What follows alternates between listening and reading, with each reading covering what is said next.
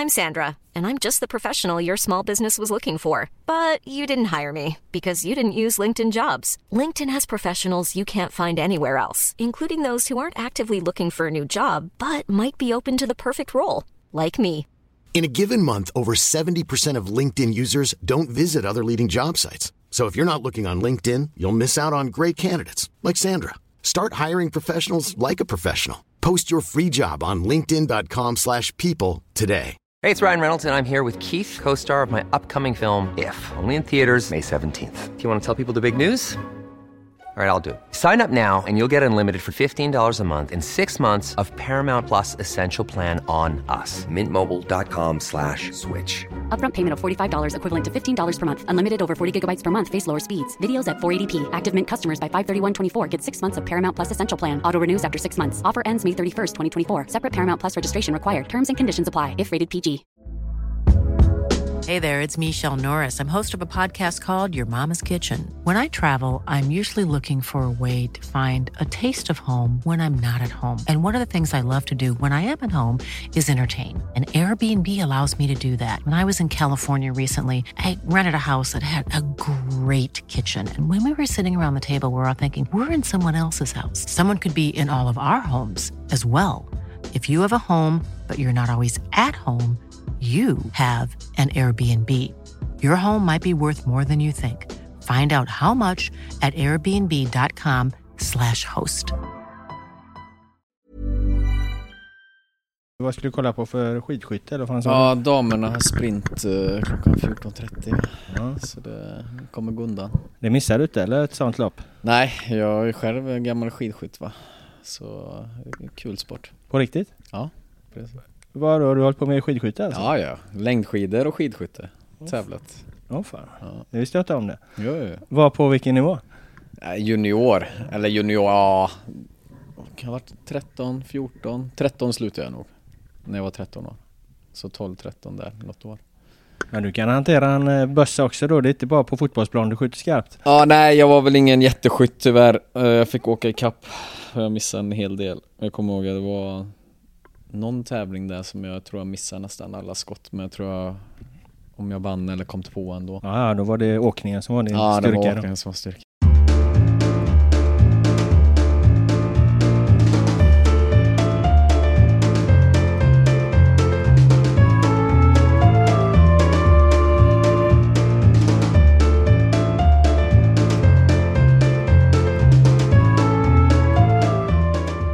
Hej och välkomna till GPs fotbollspodd som ännu så länge saknar ett namn men där vi diskuterar fotboll i allmänhet och fotbollen i väst i synnerhet. Idag är det jag, Robert Laul, som leder avsnittet och jag sitter här med ingen mindre än IFK Göteborgs lagkapten Marcus Berg. Välkommen tillbaka till podden säger jag Mackan. Ja men tack så mycket. Det var ett år sedan sist va? Ja, exakt. När vi satt här för ett år sedan så släppte du, du ju något av en nyhetsbomb som fick internationellt genomslag, nämligen kring, kring eh, korruptionen inom den grekiska fotbollen. Eh, och det blev typ artiklar i halva Europa om det där efter vi hade poddat. Eh, Märkte du själv av något av det här genomslaget? Nej, först och främst varsågod. Eh, Tack så mycket. Jo, det är klart man gjorde. Men det är som sagt, eh, det har väl varit uppe på tapeten just den där Greklandsgrejen. Så det var inget, inget nytt och inget häpnadsväckande utan det någonting mer som alla visste om men kanske inte har pratat om så mycket. Nej, det var ju någon som satte ord på det så att säga. Ja, precis. Eh, apropå Grekland där så var du, ju, eh, var du ju väl i Aten här nu och hedrades för dina insatser för Panathinaikos. Berätta. Ja, det stämmer. Jag var där eh, ja, för två veckor sedan ungefär. Tanken var att jag skulle varit ner i, i vintras när vi var lediga men vi fick förhinder.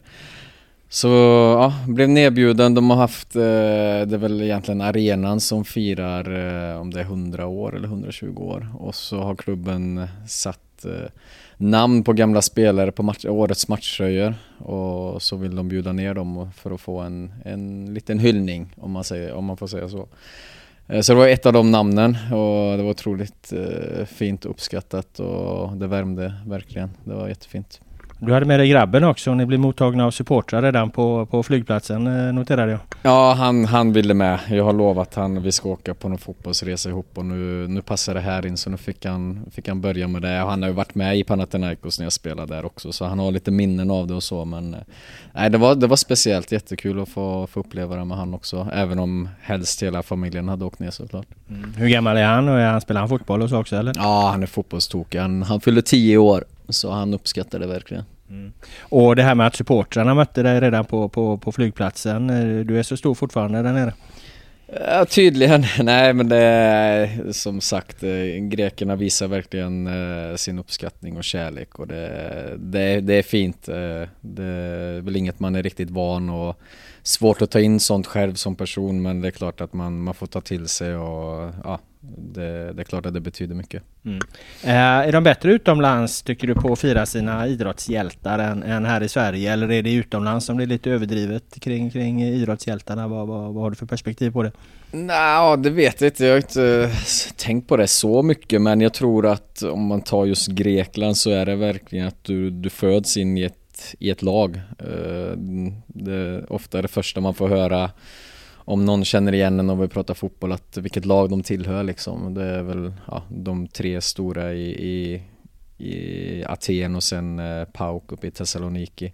Så de är väldigt tydliga och snabba med att berätta vilket lag de tillhör liksom. Det är som sagt en tillhörighet och någonting de föds in i liksom. Så det, ja, sen är de väldigt eh, ja, tydliga med att visa vad de tycker också. Så det, det är väl lite skillnad mot Sverige där man kanske tisslar och tasslar lite mer och, och, kanske pekar eller om man ser någon man känner igen generellt sett liksom.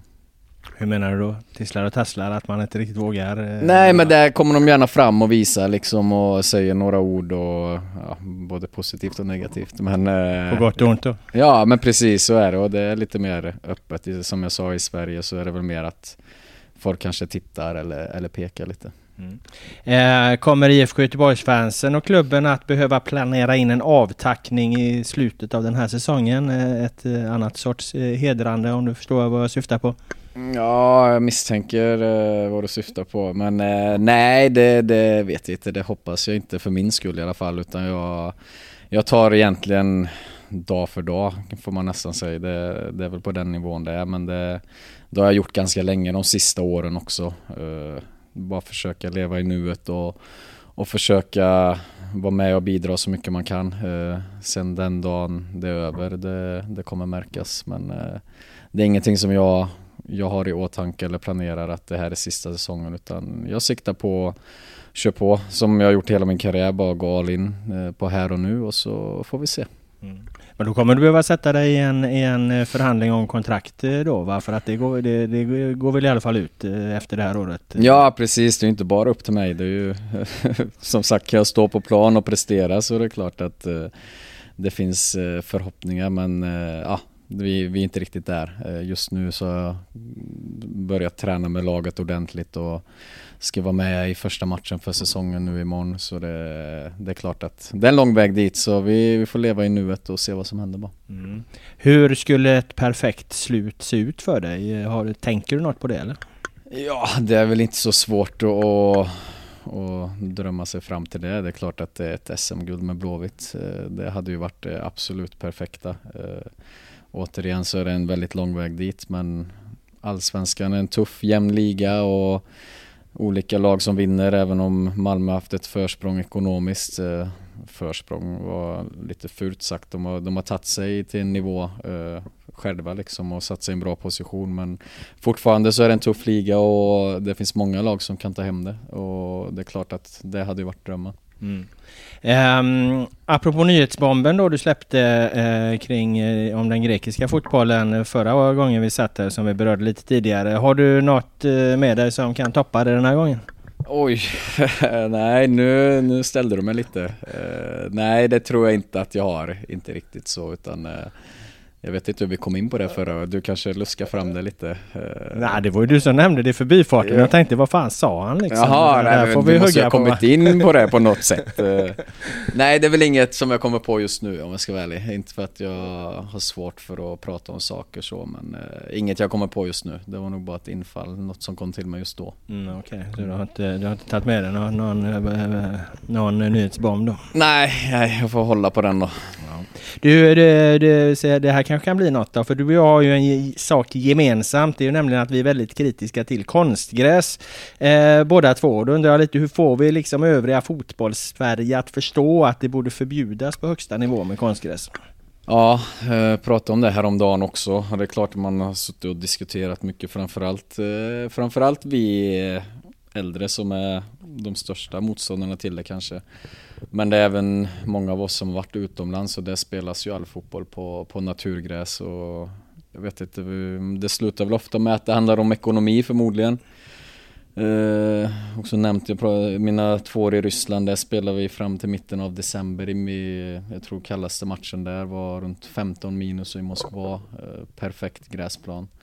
Det är klart att de har en arena som förmodligen värme, värme under plan och allting liksom. Sen har de också mycket folk som arbetar med det så det är klart att det där handlar väl om ekonomin men jag tror ändå i slutändan om du vill vara med och konkurrera på högsta nivån och ta sig ut i Europa och även som individuell, alltså som spelare men även som klubb så, så är det viktigt att du kan behärska spelet som spelas där ute. Mm. Eh, skulle du dra det så långt eh, som att vissa underlag eh, och de som har varit mest omdiskuterade då är det väl egentligen på Tele2 då där Djurgården och Hammarby spelar att det blir ett sånt sorts liksom fusk. Eh, fördelen blir så stor för de som har den typen av underlag. Oh, fusk ja, vad ska man säga? Eh, jag vet inte. Nu la du de orden liksom men Eh, det är klart att det blir en skillnad för de som tränar på det och är vana att spela på det kontra lag som, som har vanligt gräs och tränar på vanligt gräs. Eh, och sen finns det också väldigt stor skillnad på, på konstgräs och konstgräs. Utan att vara positiv till de, till de bättre konstgräsplanerna så är det klart att det är en stor skillnad där också. Men eh, Nej, det, jag, jag, tycker inte att det är bra. Det är, inte, det är inte alls bra. Sen, jag menar det är många arenor som är kommun, eller många. Det är väl bara Malmö som äger sin arena i stort sett. Och det, det är upp till kommunerna och för, förmodligen ja, förbundet att försöka samarbeta på något sätt för att, för att kunna ha bemanning så att det går att lösa så att gräsplanerna blir okej. Okay. Samtidigt som jag tycker att en okej okay gräsplan eh, kan vara en leråka nästan hellre än, eh, än att vara på ett konstgräs.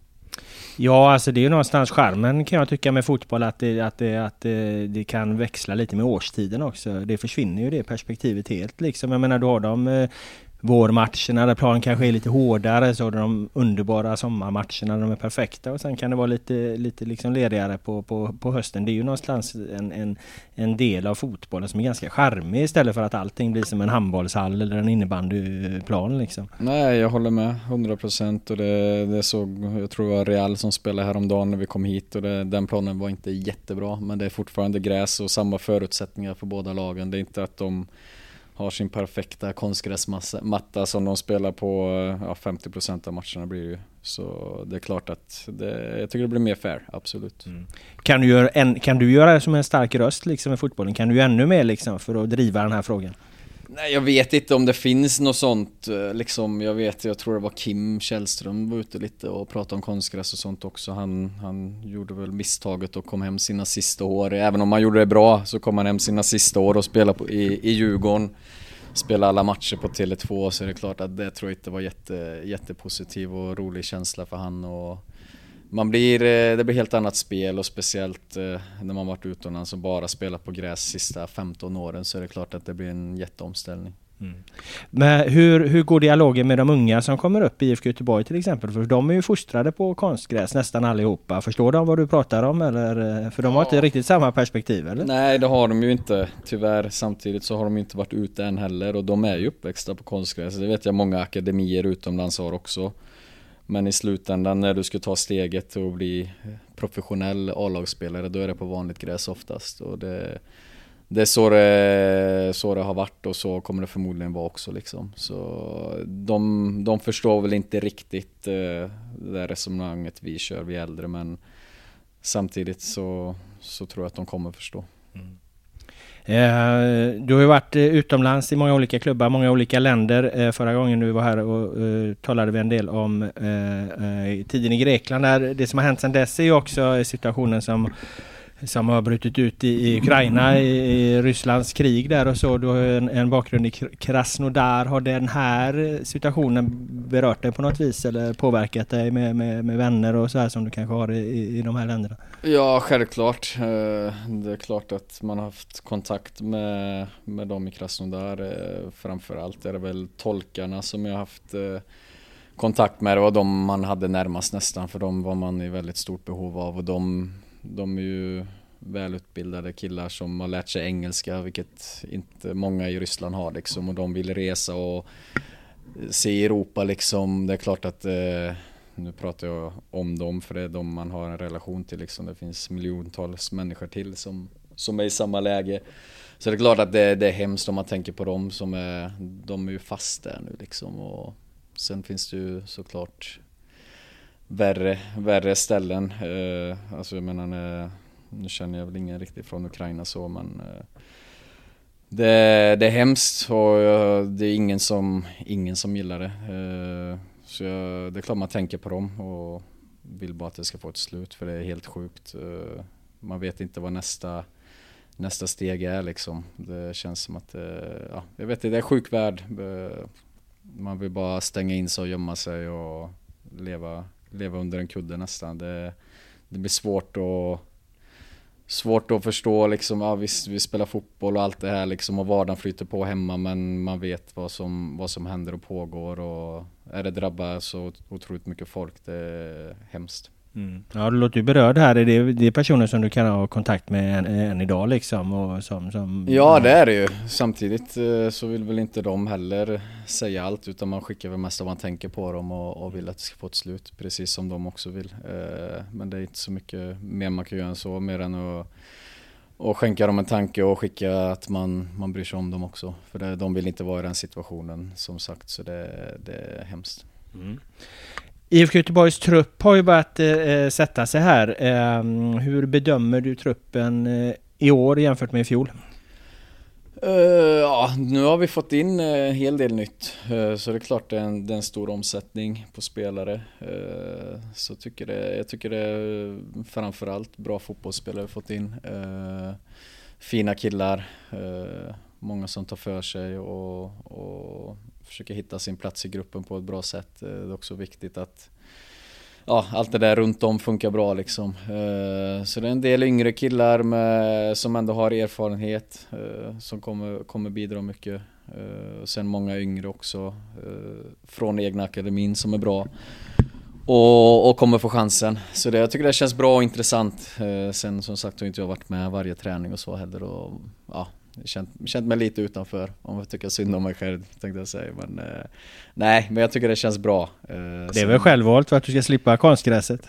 ja, självvalt, ja jo det det är väl illa, vad säger man, det är väl ett måste egentligen ja. mer än en, en vilja. Men eh, det funkar bra för min del så, så det är inget att gnälla över. Men nej, jag tycker det ser intressant ut och vi har, vi har gnuggat på bra hela vintern och nu börjar ju tävlingsmatcherna här snart så det ska bli intressant. Det är alltid en lite så här osäkerhet inför, inför en säsong, vart man ligger även om det är träningsmatcher som vi har, som vi har gjort okej. Okay. Eh, man vill alltid ha mer såklart men jag tycker ändå det ser bra ut. Eh, vad jag har snappat upp eh, från en del som har pratat om, om truppen i år det är att ni har bättre åldersstruktur eh, i år. Att ni har liksom eh, många unga, en del äldre och sen många eh, mittemellan där, 20, mellan 20-30 också. Liksom, att det är viktigt att ha den typen av åldersstruktur. Är det din erfarenhet också liksom att, att man behöver ha olika åldrar i en trupp? Jo men det är det, det är alltid. Det, det är klart att det är så. Man är oftast i samma fas i livet om man pratar utanför fotbollen liksom att man har några som man har mer gemensamt med samtidigt som att man man umgås med alla och kan prata vi kan prata med de yngre om historier och de kan prata om hur det funkar idag och vi och, om hur det funkar för, på våran tid om man får säga så. Så det, det, det är intressant men det är som sagt det, det viktiga är vad vi gör tillsammans ute på plan i slutändan men det är klart att det är viktigt att vi trivs med varandra och jag tycker det är som sagt det är bra killar hela högen så det, där känns det jättebra. Mm. Men jag tänker också att, att det kanske handlar om att man har, att man har liksom olika eh, drivkrafter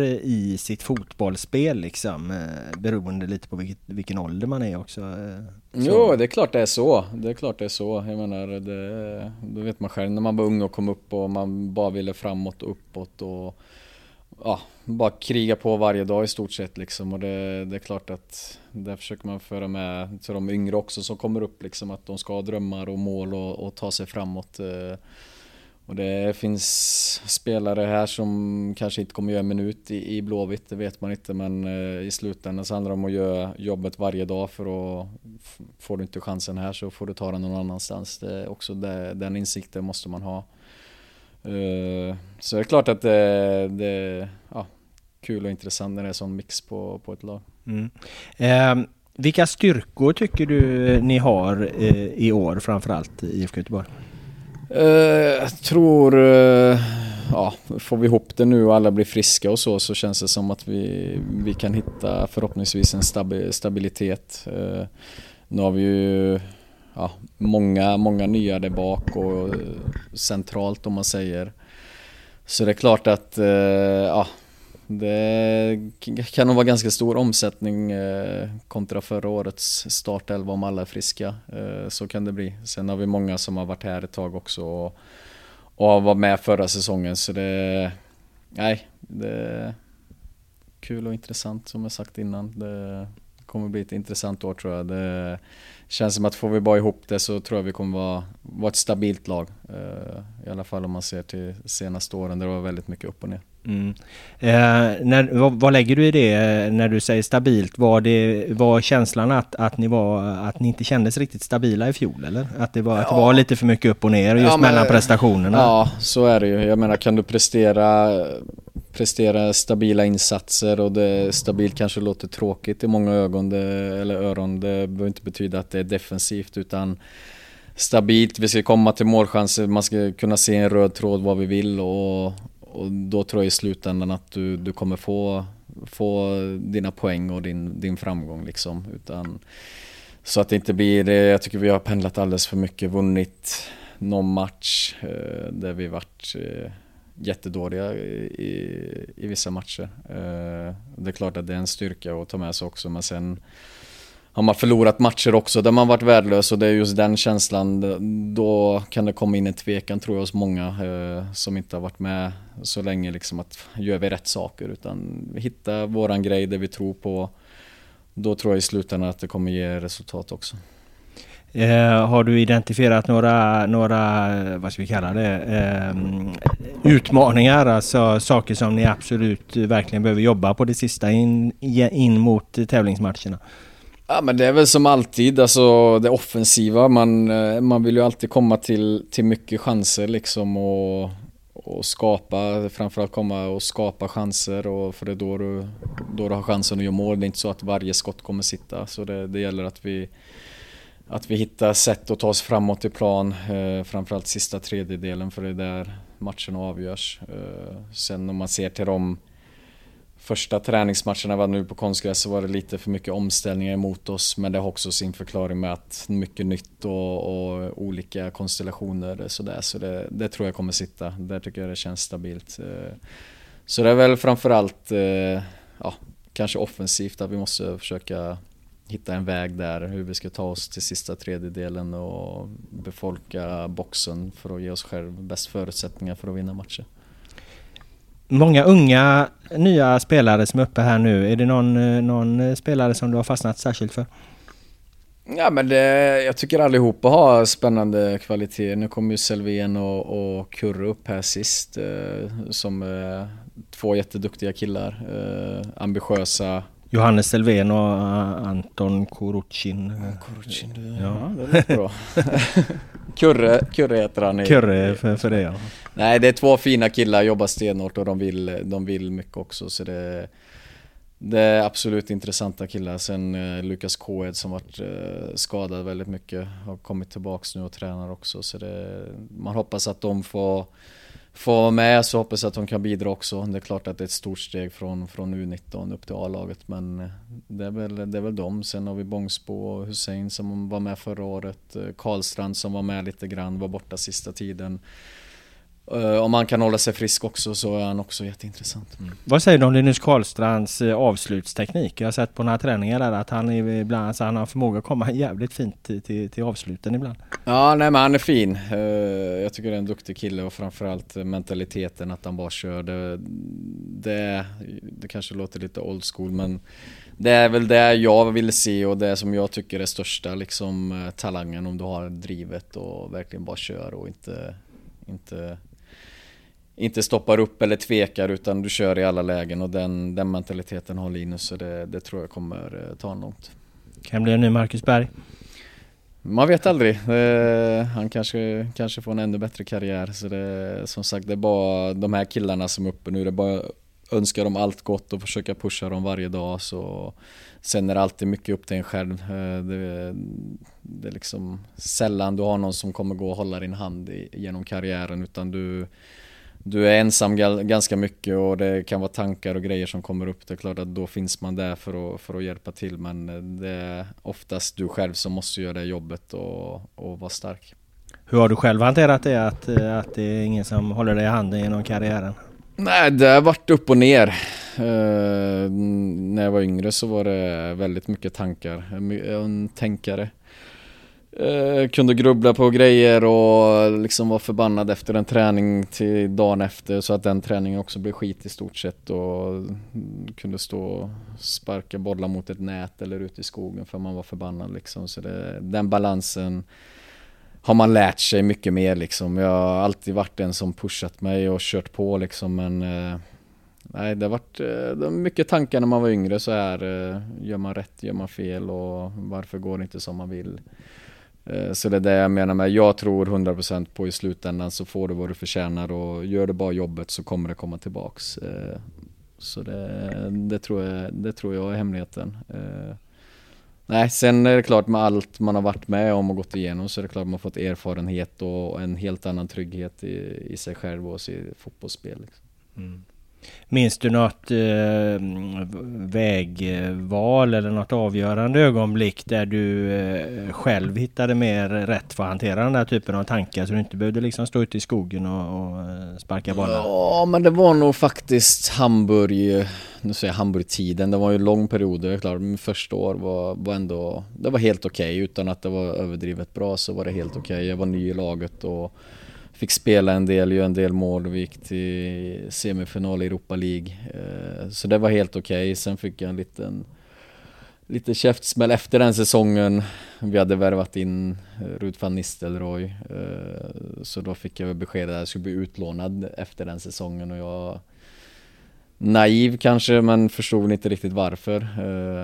Jag hade kunnat sett mig som ett tredje alternativ bakom Rud och Mladen Petric tror jag vi hade då också två jätteduktiga anfallare. Men eh, det blev utlåning till PSV, hade väl en ganska tung period där också, eh, som slutade med en operation. Efter det tillbaks till Hamburg och då det var väl mina jobbigaste år när jag var tillbaks i Hamburg där med en del skador och tror jag hade två höftoperationer och nyckelbensoperation också. Så det, det var mycket så här och grejer på sidan av som hände. Så det var, det var en ganska tuff period. Eh, och det var framförallt efter det som man, som man växte som både person och, och fotbollsspelare. Och det var väl där jag kände att man måste vara stark liksom för att, för att ta sig igenom. För Tyskland kan vara ganska hårt. Eh, de är väldigt raka och ja, lite, lite old school om man får jämföra med hur det, hur det är nu liksom att eh, just där och då var det väldigt mycket tung träning. Och tror den träningen vi körde, jag tror jag vägde över 80 kilo liksom. Nu senast har han vägt under 76 och jag svarar inte jättebra på den träningen heller. Så det var mycket så här, eh, pendla mycket i vikt, eh, mycket saker som hände. Eh, så det var, det var en tuff period och det var där jag tog beslutet också efteråt. Och jag ska i alla fall må bra på sidan av i nästa klubb liksom och då, då kom Panathinaikos och ja, efter det så har det väl egentligen bara, inte bara, men gått väldigt mycket uppåt om man säger. Mm. Eh, Svenska cupen är inte så långt borta nu när vi sitter här. Eh, där väntar bland annat ett derby mot Gais, en, en eh, het match som många supportrar ser fram emot. Vad, vad, vad tänker du inför kuppen och kanske den matchen framförallt? Nej, det var länge sedan man mötte Gais. Det var på, på Nya Ullevi, Stora Ullevi senast tror jag. Eh, jag mötte dem, så det måste vara en 16-17 år sedan. Nej det, det, är klart, nu tog de sig upp till, till superettan och gjort ett par resultat nu här under försäsongen också. Så det kommer bli en tuff match eh, samtidigt så, så är vi Blåvitt och det är klart att vi, vi vill gå rent i kuppen. Alltså vi vill vinna våra tre matcher i gruppen och eh, guys, guys är absolut ett tufft motstånd eh, som vi tar på allvar men eh, ja, vi ska, vi ska gå ut och vinna den här matchen också. Det är det enda vi har fokus på. Sen har vi utsikten innan det, men eh, det är klart att det är kul med ett, med ett derby. Mm. Men du har lite koll på Gaisen då?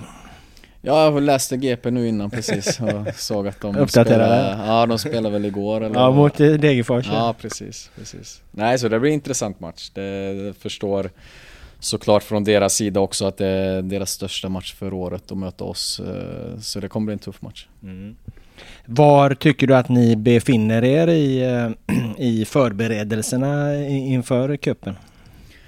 Det är svårt. Det, jag tycker det är svårt att, att, svara på. Nu har vi haft en hel del spelare borta som varit lite in och ut och jag själv där också som inte varit med fullt. Eh, så det är klart att det är inte optimalt. Samtidigt så tycker jag om man ser till framförallt sista träningsmatchen här mot Tromsö tycker jag man såg grejer som vi vill göra på ett bra sätt. Eh, även under träning att vi, vi nöter in mycket grejer som vi vill ska komma ut sen i matchspel också. Så det är väl det, eh, som jag sa innan så är det klart att eh, träningsmatcher är träningsmatcher och det är svårt att dra för stora växlar men tycker ändå kunna se någonting där som, som finns som får vi bara ut det så, så kommer det bli bra. Eh, Svenska cupen är ju en väg till Europa eh, innevarande säsong så att säga. är det en, drivkraft eh, som finns eh, hos dig och er att, att eh, ja, ta den biljetten så att säga? Ja men det är klart det. Eh, vad blir det efter gruppspelet? Är det kvartsfinal, kvartsfinal ja. direkt liksom. Så det är klart att det är singelmöten och nu har vi tre matcher i Göteborg eller ut på hissingen. Men nej det är klart att som, som alla säger att det är, det är den kortaste vägen till Europa. Eh, så det är klart att det är en viktig och det är en titel också. Eh, så det är absolut jätteviktigt för oss. Mm. Skulle det, det skulle trigga dig med, med ett nytt Europa-äventyr? Ute ja, där igen? Jo, herregud. Det är klart att det, det, är en dröm. Så man vill alltid ha titlar och det är klart att man vill, man vill ta sig ut i Europa. Som sagt, kuppen, kuppen står högt eh, samtidigt som att allsvenskan är såklart det, det man vill ha den stjärnan på bröstet liksom. Eh, så det är klart att det, det är prio nummer ett, eh, allsvenskan, men nu har vi kuppen innan här så det är klart att vi prioriterar den väldigt högt också. Mm. Nu ska jag testa dig på en bokstavskombination här och se om du vet vad den står för. Vad betyder ACAB? ACAB? Ingen aning. Vad fan, har du inte lärt dig det än? Det var ju den här banderollen du höll upp efter sista matchen. Har du inte lärt dig vad det Just betyder det, än? ja. A-cab. Vad fan vad det betyder nu då? Kan du... Det betyder ju all cops are bastards. Det är ju en, en, en ett polisfientligt budskap där ja. som, som eh, du fick en del skit för. Men ja. Eh, ja, vad tänker du kring det? Nej, jag skrattar bort det lite. Det, det, ska man inte göra heller. Det är klart att hade jag läst, eller eh, även om jag hade läst det så hade jag inte vetat faktiskt på riktigt. Eh, jag fick den i bussen av mig. Att, uh, jag fick några meddelanden och även de i laget liksom bara var, Jag bara vadå? Jag förstod ingenting. Jag tänkte bara att det var någon fangruppering vi har liksom. Så det, det är klart att det är ingenting jag står för. Uh, så det var, ett, det var ett ärligt misstag tyvärr. Mm. Vad tycker du om supportrarna då? Som de sätter ju dig i skiten.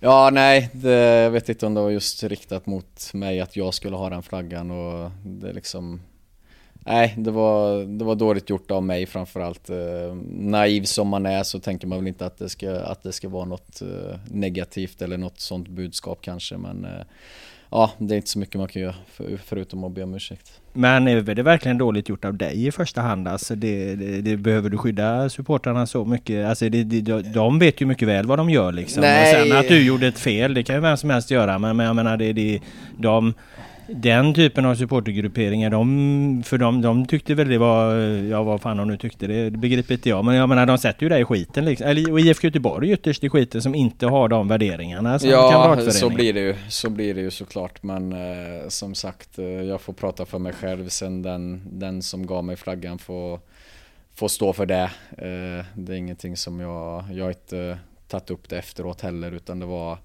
efteråt i bussen och det var mer, jag tar på mig det ansvaret jag kan göra liksom och det är bara att be om ursäkt. Mm. Men det var tur att jag påminde om nu vad fan det betyder då. Så om du får ja. någon ny sån flagga så, så vet du att den bokstavskombinationen kanske du inte ska hålla upp då. Nej, man får läsa igenom bättre först. Ja. Um, vi pratade lite tidigare här om, om att du, du, inte har några planer liksom på att det här ska vara ditt sista år eller något sånt utan du tar ett år i taget. Uh, uh, har du ändå liksom uh, börjat fundera någonting i banorna vad du ska göra efter fotbollskarriären och så? Eller är den frågan för tidigt väckt? Nej, det är klart att man får den frågan och även att man, jag menar vi har genomgångar ibland med så här, spelarföreningen har vissa, man kan gå utbildningar och få hjälp efter karriären så det är klart att man blir påmind om det liksom och man vet ju att, att eh, slutet närmar sig. Men eh, det är väl egentligen likadant som jag sa innan att jag, jag går all in på fotbollen så länge jag är aktiv liksom och hålla på med någonting på sidan av har aldrig varit min grej liksom utan jag har lagt all kraft och fokus på, på familjen och på fotbollen. Det är det som tar upp min tid liksom och ja, det har funkat bra och det är väl någonting som jag kommer fortsätta med tills, tills jag inte spelar längre. Mm. Vad har du för intressen utanför fotbollen då? Finns det någonting där liksom som du, som du, du, du har någon ändå i bakhuvudet tanke eller dröm om att plocka upp liksom den dagen det... Ja, alltså det hade varit kul att, att göra någonting ihop med, med några kompisar som har varit i samma situation liksom och kanske driva någonting uh, och du ska hoppa med Wernbloom och Husens och, och Bjärsmyrs podd eller? Nej, podd uh, har jag inte tänkt mig. Uh, och du har sett att han kör den eller? Ja, jo det har jag sett, tro mig. det är svårt att komma undan.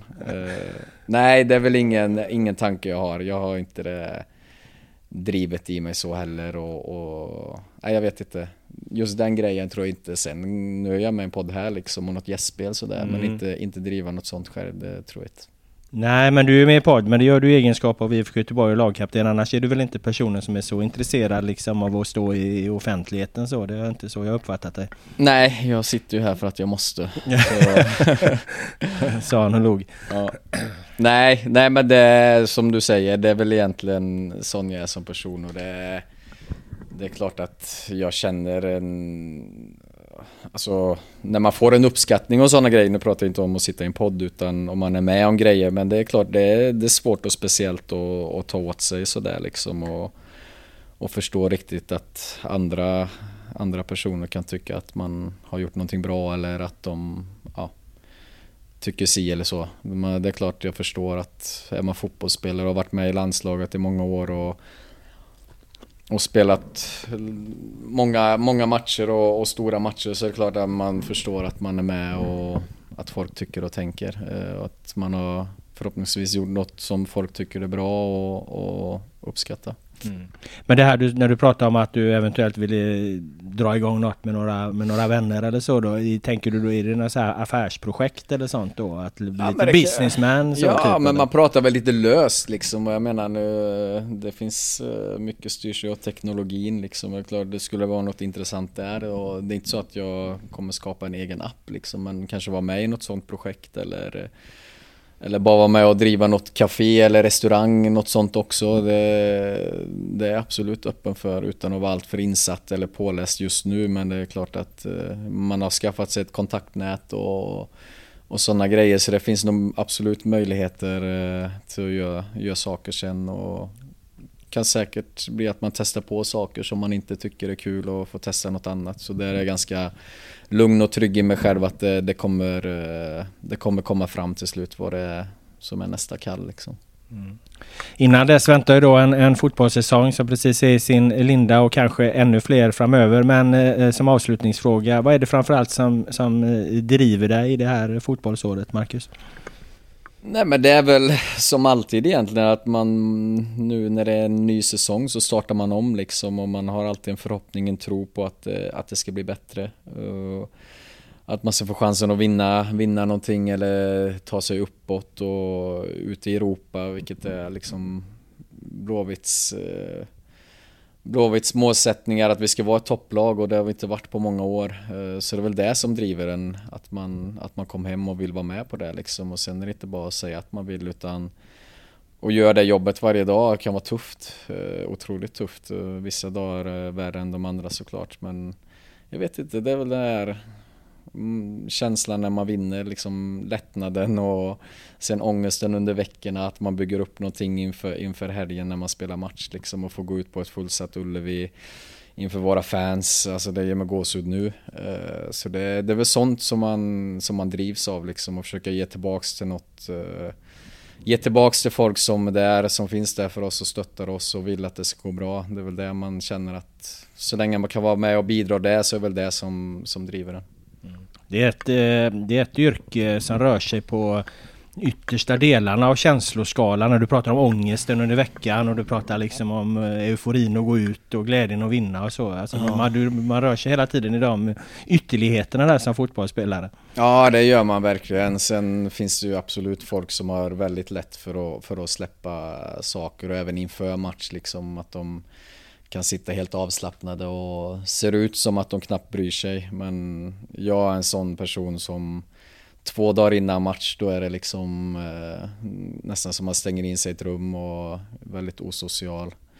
Efter match eh, ja, efter förlust så vill man sluta spela fotboll och aldrig mer gå ut igen i stort sett. Så det är mycket sådana grejer liksom som, som tar väldigt mycket psykiskt men det är klart att det har varit ett sätt för mig. Det är en sorts terapi liksom att ligga och tänka under natten. Vad fan hände och varför gjorde man si eller så? Vad man kan göra bättre. Eh, sen är det som sagt bara upp på hästen dagen efter igen. Det är inte så att man drar med sig det hela veckan. Det det är alltid nytt jobb som, som krävs och bara fortsätta göra det man tror på så, så tror jag att det kommer bli bra i slutändan. Mm. Har du något mer nu när du är med i en podd? Du är inte med där så ofta. Något mer du vill, vill berätta när du har fansens och, och lyssnarnas öron? Nej, jag hoppas bara att det blir ett, ett fantastiskt år och tacka för senaste året får man göra också. Men nu, nu ser vi framåt och, och vi tittar absolut uppåt. Sen finns det många motståndare som, som vill uppåt också och framåt och som är starka men jag tror att vi tillsammans eh, med tron och det jobbet vi lägger ner tror jag att vi vi ska absolut ha en chans att ta oss uppåt och prestera bra över en längre tid och få bättre resultat med oss. Då tackar jag dig för att du var med i GPs eh, fotbollspodd. Tack så mycket. Och jag tackar alla er som har eh, lyssnat. Eh, podden är tillbaka med ett eh, nytt avsnitt här vad det lider. Ha det bra så länge. Tack, tack.